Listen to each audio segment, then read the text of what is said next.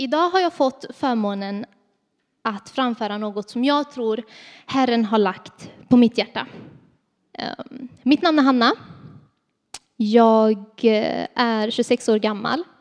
Jag eh, kommer ifrån Etiopien, har rötterna i Eritrea och är uppvuxen i Sverige.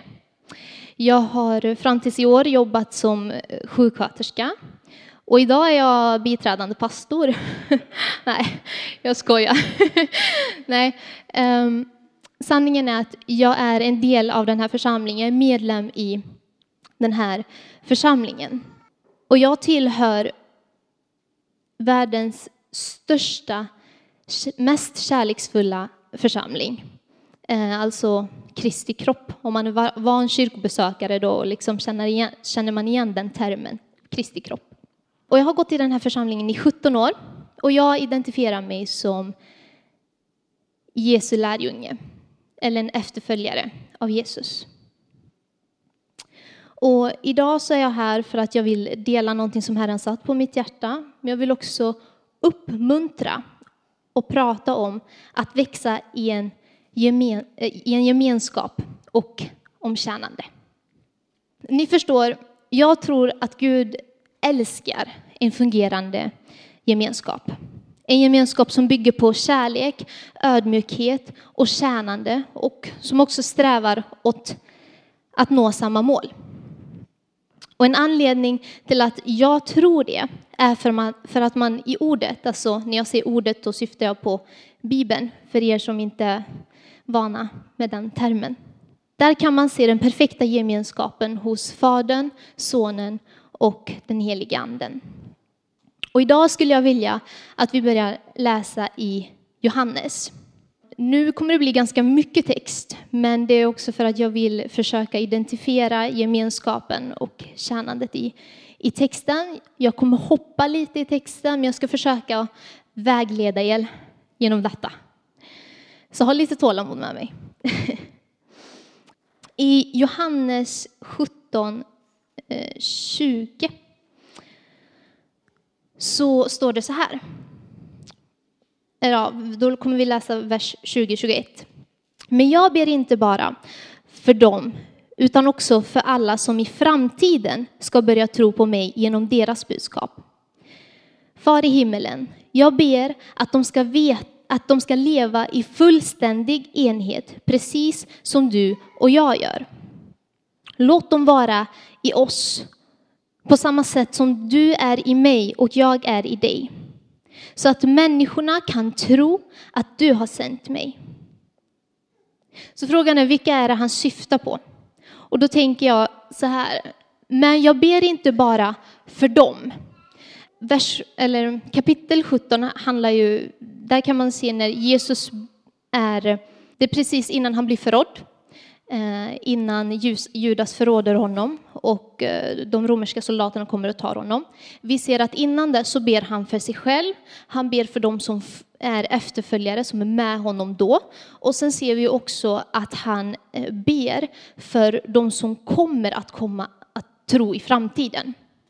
Så när han säger, men jag ber inte bara för dem, då syftar ju han på de som var med honom där och då. För innan det så har han bett för dem. Och så fortsätter han med att säga, utan också för alla som i framtiden ska börja tro på mig genom deras budskap, alltså apostlarnas budskap. Far i himmelen, jag ber att de ska leva i fullständig enhet. Precis som du och jag gör. Och låt dem vara i oss på samma sätt som du är i mig och jag är i dig. Och jag tänker att det han försöker säga här är att han förväntar sig att vi ska leva i fullständig enhet idag. Det var inte bara då, utan han förväntade han förväntar sig att se den kärleken som var då idag. Och varför? Varför? Vad är liksom syftet med att vi ska leva i fullständig enhet? Gud, han har syfte till allt. När han skapar någonting så finns det ett syfte. Och precis med det här så finns det också ett syfte. Jo, han säger att vi ska leva i fullständig enhet för att människor ska komma till tro på honom idag. Så när vi kan visa den enheten som Fadern, Sonen och den helige Ande har, ja men då kan de också se att Jesus faktiskt sänd av Gud. Jag tänker att vi ska gå vidare och läsa på i 17, 4, vers 4 och 5. Och jag tror, jag tror här också så kommer vi få se lite tydligare vad är fullständig enhet, vad det, liksom, vad det han försöker säga, vad det innebär. På vilket sätt han gjorde det. Eh, vad var syftet med det? Det står så här. Jag har upphöjt och ärat dig här på jorden genom att slutföra det uppdrag du har gett mig. Låt mig därför, kära far, bli upphöjd och ärad genom att jag återfår den härlighet jag hade hos dig innan världen skapades. Här ser vi att Jesus har en ge och få relation till Gud. De har en gemenskap, de lever i fullständig enhet där de tjänar varandra. Jesus mål var att ära och upphöja Fader, vilket är en del av vår, eh, vårt syfte med att leva eh, som kristna, att ära Fadern. Och han ber också Fadern att upphöja honom. Och det står någon annanstans att den som ödmjukar sig upphöjer Herren. Och det är också där vi kan se att Jesus genom att fullfölja hans uppdrag så, så ärade fullfölj, och eh, um, upphöjde och ärade han Fadern. Och det här vet vi idag att Gud också har gjort för Jesus. Men frågan är hur fullföljde han uppdraget? Vi ska kolla lite närmare på det. Jag ska läsa och så ska jag försöka vägleda er genom det. Och då går vi vidare och läser Johannes 17 fortfarande, vers 6 till 19. Jag kommer ta lite småpauser. Och det här alltså är bönen som han ber för sina efterföljare som var med honom där och då. Det låter så här. Du har gett mig några efterföljare från den här världen och jag har visat dem vem du är. Det var din, de var dina hela tiden men du gav dem till mig. Och de har levt, i enligt, och de har levt enligt min undervisning. Nu vet de att allt som du har gett mig är en gåva ifrån dig. Det budskap jag fick från dig har jag fört vidare till dem och de har tagit emot budskapet och har förstått att jag har kommit ner till jorden från dig. Ja, de är helt övertygade om att du har sänt mig. Här ser vi att han liksom har gjort det som han hade eh, som uppdrag. Och förutom det så, så säger han också till Gud, jag har tjänat dig. Jag har tjänat dig. Jag har gjort det du har sagt till mig att jag ska göra. Och vidare i texten kommer vi se gemenskapen. Det som jag liksom finner är det här kan jag identifiera gemenskapen. Eh, det som Fadern oss... Eh, och sen så ser vi också liksom att eh, Jesus pratar om att det som är mitt är ditt, det som är ditt är mitt. Det är ju en gemenskap. Jag delar, jag ger. Det som är mitt är ditt, det som är ditt är mitt. Eh, men nu händer också någonting annat i hans bön. Eh, vi fortsätter. Jag ber inte för alla världens människor, utan för de människor som du har gett mig eftersom de tillhör dig. Ja, alla som du har gett mig tillhör också dig, för, de tillhör dig, för om de tillhör dig så tillhör de mig. Och genom dem ska min härlighet bli synlig för människorna. Jag lämnar nu världen och kommer till dig, men de blir kvar här. Nu händer det någonting. Far i himmelen, du som är helig, bevara alla dessa som du har gett mig. Låt dem vara kvar i din gemenskap så att de kan leva i fullständig enhet, precis som du och jag gör. Medan jag var hos dem bevarade jag dem i din gemenskap. Jag skyddade dem så att ingen av dem gick förlorad. Utom den som var dömd till att gå evigt förlorad eftersom det som Gud försagt i skriften måste bli verkligt. Vad ser vi? Jo, vi ser att han helt plötsligt börjar säga att nu har jag gjort min del, jag har gjort det jag kan göra, men nu är det din tur. Jag har gjort, jag har skyddat, jag har bevarat, men nu är det du som får ta över när jag inte kan vara här. Och som vi fortsätter till 13. Nu återvänder jag till dig, men detta ser jag medan jag är kvar i världen, så att de ska bli helt fyllda av min glädje. Jag har fört ditt budskap vidare till dem och världens människor har hatat dem, därför att de inte tillhör den här världen på samma sätt som jag inte tillhör den. Jag ber inte att du ska ta bort dem från den här världen, utan att du ska bevara dem från den onde. De tillhör inte den här världen, liksom jag inte tillhör den. Hjälp dem att lyda ditt sanna budskap så att de kan leva helt för dig. På samma sätt som du sände mig till världen sänder jag ut dem i världen. Och för deras skull överlämnar jag mitt liv som ett offer till dig så att de också kan överlämna sina liv åt dig genom att följa dina budskap.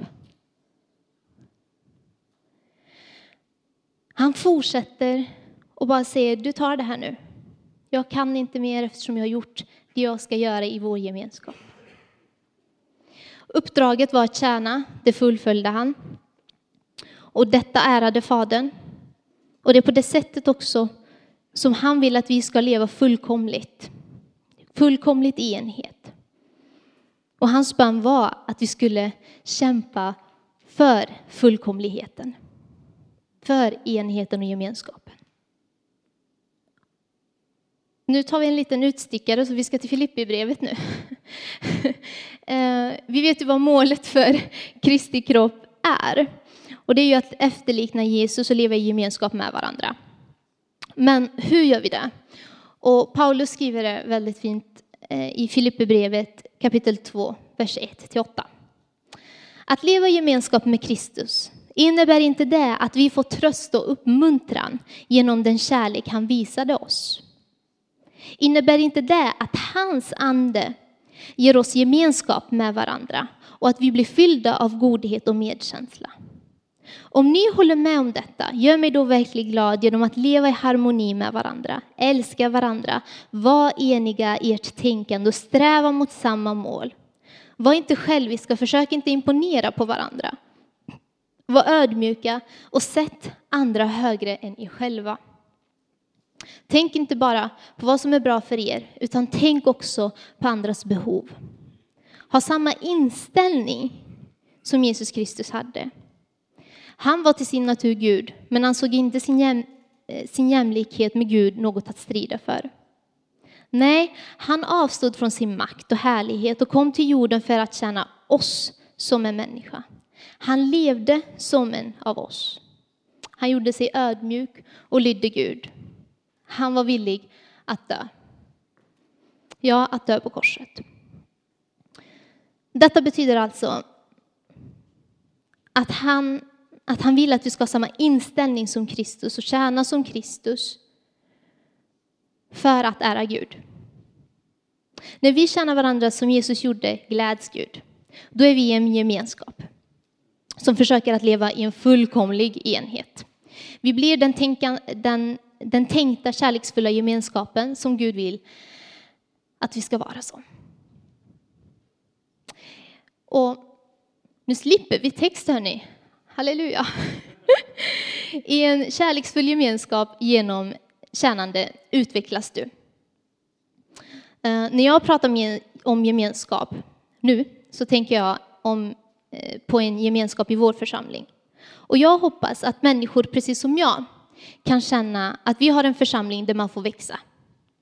Där man får växa i kärlek till Jesus, komma närmare Gud och bli uppmuntrad till att eh, gå i den heliga Andes ledning.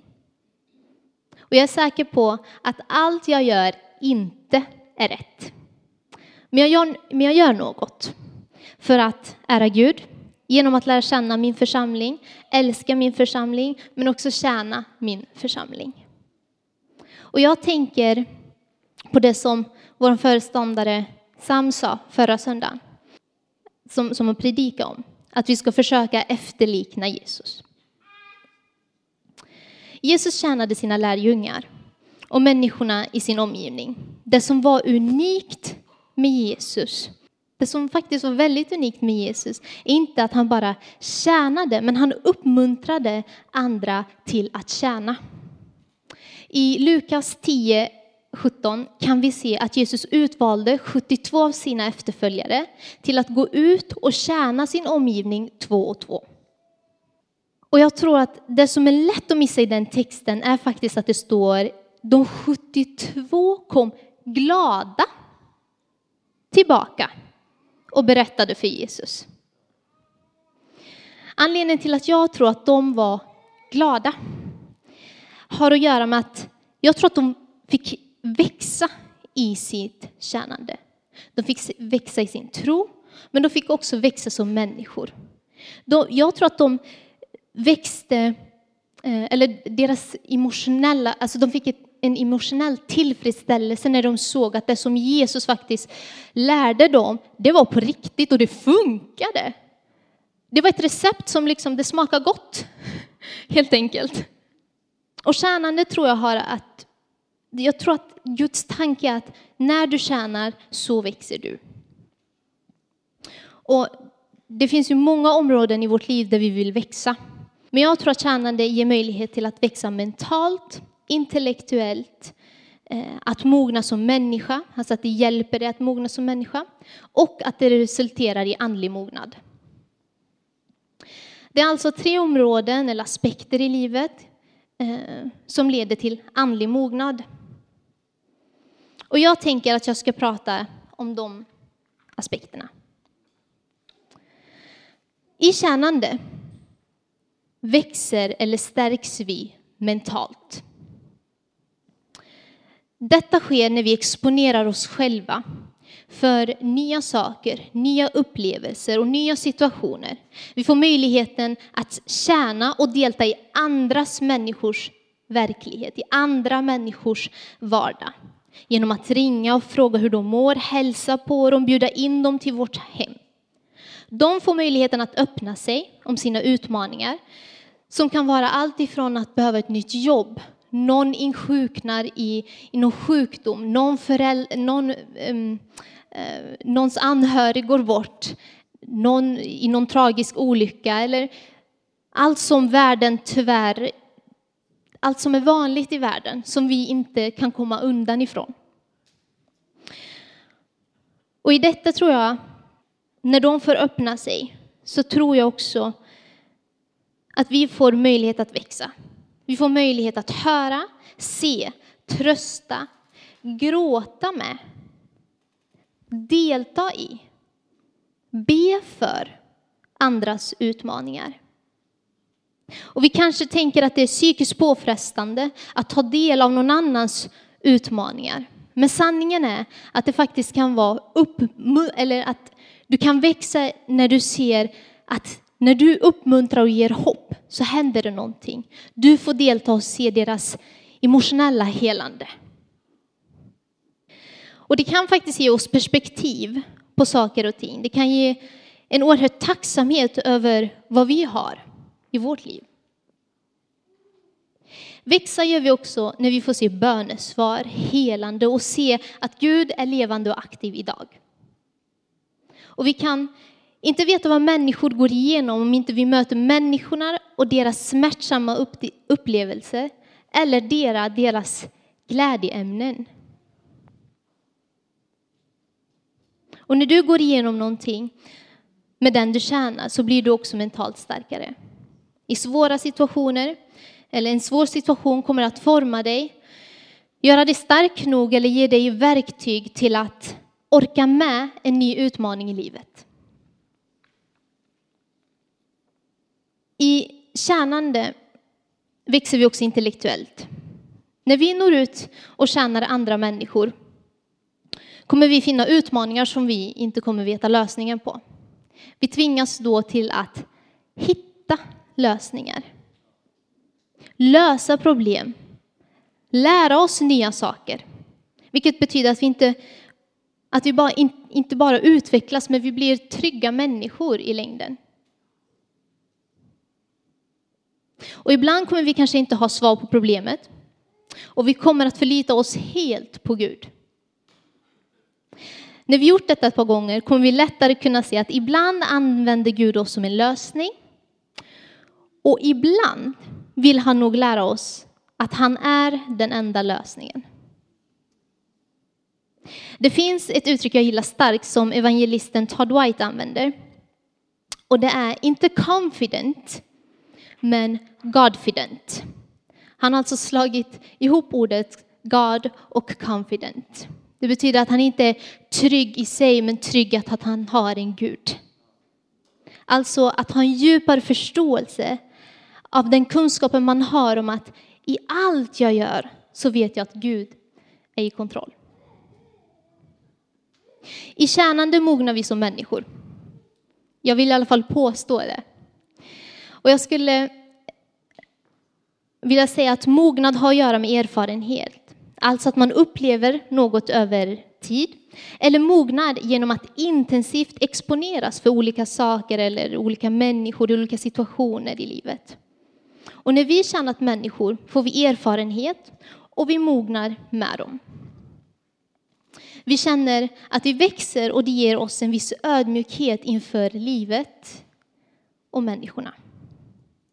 När vi tar del av deras livssituationer utvecklar vi också förmågan att känna med de som lider. Att älska dem på riktigt.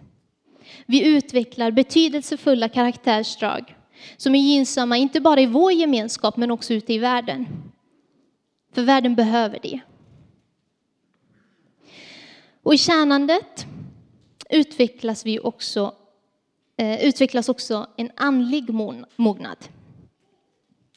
Och jag skulle säga att andlig mognad är när alla dessa tre aspekter kommer samman. Och när vi lever med kunskapen och förståelsen om att Gud är i kontroll i vårt liv och i vårt tjänande. Det är en andlig mognad. För jag tror att under tiden vi tjänar så har vi utvecklat förmågan att förstå när och hur den helige Ande talar till oss. Men också hur, Eh, men också att vi har eh, utvecklat en förståelse för vad som är andligt och inte. Vi har under tiden vi har tjänat hunnit se de olika gåvorna som Herren har lagt i oss och sett dem komma i funktion. Grejen är att jag tror att andlig mognad bygger också eh, en andlig erfarenhet, eller liksom att man utvecklar andlig erfarenhet. Och det tror jag man gör när man får vara med och uppleva och se bönesvar. När man får se när man har varit i situationer av desperation och sen så är det enda som kan rädda dig ett mirakel så är det faktiskt det som Herren ger dig. Men det är också när vi förstår ibland att Gud är tyst. Och vi har ingen aning om varför han är tyst, men han är tyst. Andlig mognad är också att förstå, Eh, eller att få förståelsen efter att ha fått erfara, eller att fått erfarenhet, att Gud är med oss även när vi inte förstår vad han gör. Och eftersom vi har sett honom verka i vårt liv förut så väljer vi aktivt att vänta och lita på honom idag. Och sanningen är att ingen som tjänar är perfekt. Varför påstår du det, Hanna? Jo, vi är människor. Nej, nej. Jo, alltså, jag tror att Gud vill att vi ska växa. Och det är därför också som vi kan se i Gamla Testamentet hur kungar, profeter och i Nya Testamentet apostlagärningar tänker och ibland gör fel. Ibland blir det fel. Men de växer. De växer närmare Herren och då får andra att växa. Jag tror att det är tanken med tjänandet. Jag tror att Gud förväntar sig av oss att vi ska gå i tro och på något sätt grow into ministry.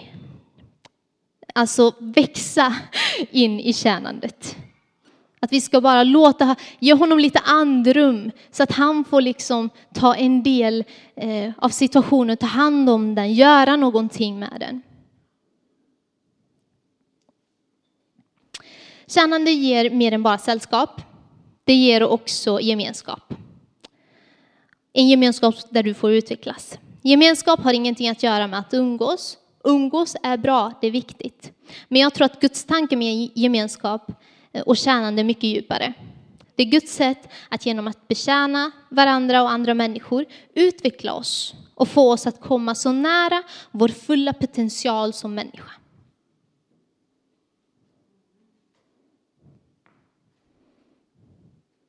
Han bryr sig om oss, hörni. Han leder oss. Han ger oss det vi behöver. Han vill att vi ska likna Jesus, men han ger oss inte instruktioner och så säger han lycka till. Utan han säger jag är med dig. Jag bär dig. Jag vägleder dig.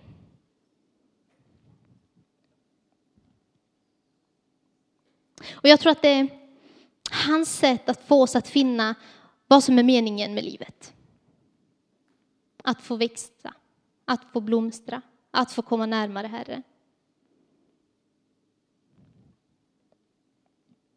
Och kollar man i ordet handlar allt om tjänande. Och vi ser att den kristna livsstilen handlar om att Gud tjänar oss genom att förse med det vi behöver. Jesus uppmuntrar oss till att tjäna varandra och sen säger han ja, när ni ändå tjänar varandra så njut av att bli tjänade också. Mer eller mindre.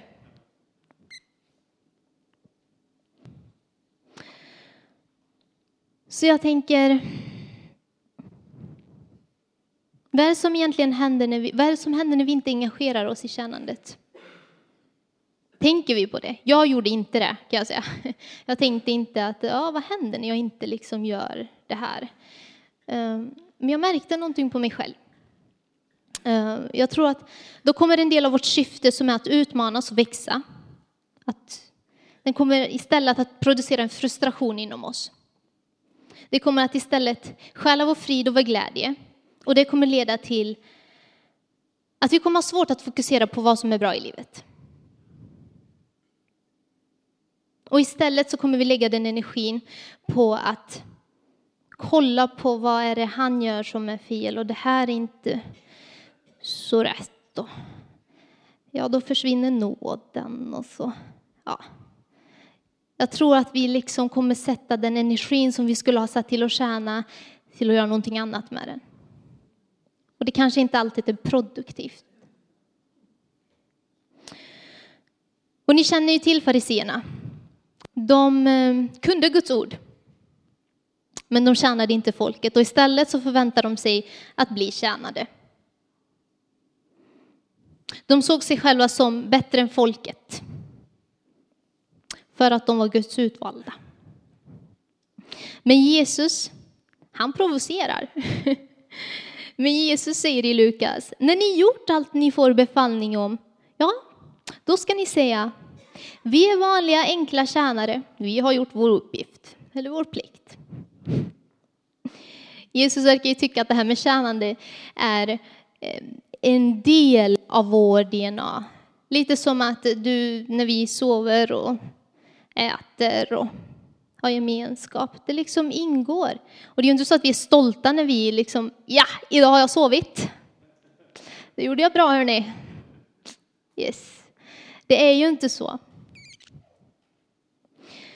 Ja, sammanfattningsvis skulle jag vilja säga att det faktiskt är så att vi människor växer när vi lyckas behärska saker eller situationer, uppgifter som vi har förutsett som utmaningar.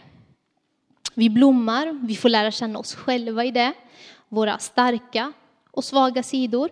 Vi får se hans gåvor eh, blomstra, komma i funktion. Och vi får också se vissa delar i oss som bara Gud kan jobba med. Vi får se att, oh, här behöver jag Guds nåd. Här behöver jag hjälp. Och det är okej. Okay. Det är så det är tänkt. I tjänandet så välsignar vi och så blir vi välsignade. Och utan att vi tänker på det så tjänar vi alla, mer eller mindre, jämt. Vårt samhälle, vår värld är byggd på tjänande. Jobbar du som sjuksköterska, läkare, om du städar lokaler, administratör, du tjänar människor. Det är bara ett annat motiv. Två olika sorters tjänande, båda lika viktiga för oss, för vår gemenskap, men också för vårt behov att utvecklas. Kära församling, gemenskapen handlar inte om perfekta människor som samlas under samma tak för att tjäna. För det skulle inte leda till själva syftet som att växa. Som i sin tur också är en del av meningen med livet. Så om du tjänar på ett eller annat sätt, då vill jag säga till dig, kom ihåg att Herren är med dig. Och du håller på att växa. Om du blir tjänad så vill jag säga, Herren är god. Han vet vad du behöver. Och oroa dig inte, för han älskar dig. Och om du är en av dem som har tänkt att du skulle vilja tjäna, men inte tagit till dig modet, tagit det steget till att fråga, så vill jag bara uppmuntra dig och säga kom. Kom och var med. Kom och var med och väx. Vi har olika servicegrupper, vi har bönegrupper, vi har språkcafé. Och om du har det på hjärtat att gå ut och berätta för världen att du vet Jesus stod på korset för dig, ja då har vi folk som är ute och evangeliserar. Är du duktig på att sjunga? Är du duktig på att spela instrument och vill tjäna Herren på det sättet? Så vill jag säga kom. Är du duktig på att tolka? Ja, kom. Är du sugen på att växa? Vill du vara med i en växargrupp? Utvecklas och växa i gemenskapen så kom. Möjligheterna är många. Så fråga bara. Våga prova. Och uteslut inte din möjlighet att faktiskt få växa. Det är alldeles, världen är för tråkig för det. Det är roligare att se människor växa. Det är roligare att se människor ge något. Det är roligare att se när människor tjänar och utveckla en relation och en gemenskap. Det är roligare att få se människor komma till tro genom ditt tjänande. Beröva inte den välsignelsen du är för världen. Världen behöver dig. Den behöver din kärlek. Den behöver din gemenskap. Den behöver dina gåvor. Och du är inte så liten, för Gud har inte skapat dig liten. Han har skapat dig med ett syfte, ett stort syfte. Och ibland känns det tungt att bära på allting som man har i livet. Men du är inte ensam. Han är med dig. Är han tyst, så vänta. Han kommer prata igen. Känns han långt bort, vänta. Han kommer komma närmare. Vi är här tillsammans. Vi tjänar varandra. Du är inte ensam. Jag skulle bara vilja be en bön innan jag avslutar. Fader, jag tackar dig för din gemenskap. Jag tackar dig för det du har satt på mitt hjärta och ber att du ska slå rötter på något sätt, att det ska uppmuntra någon till det här idag. Att folk ska förstå att de är inte så små. Och att i dina ögon så är de stora, de är älskade och de är inte ensamma och att du faktiskt bär dem. Fader, jag tackar dig för att du berör hjärtan. Och jag tackar dig för att du vill uppenbara dig för människor och säga till dem, här är jag. Ta bort allt som inte är av oss, Fader. Gör oss nya. Blås, blås ett nytt liv i våra liv och i vår gemenskap. Välsigna vår gemenskap, Fader. Vi älskar dig, vi prisar dig. Heligande, vi tackar för att du är här, för att du uppenbarar, för att du berör våra hjärtan. För att du ger oss tröst, för att du ger oss glädje. För att du förser med det vi behöver. Vi prisar ditt heliga namn, Herre. I Jesu namn, amen.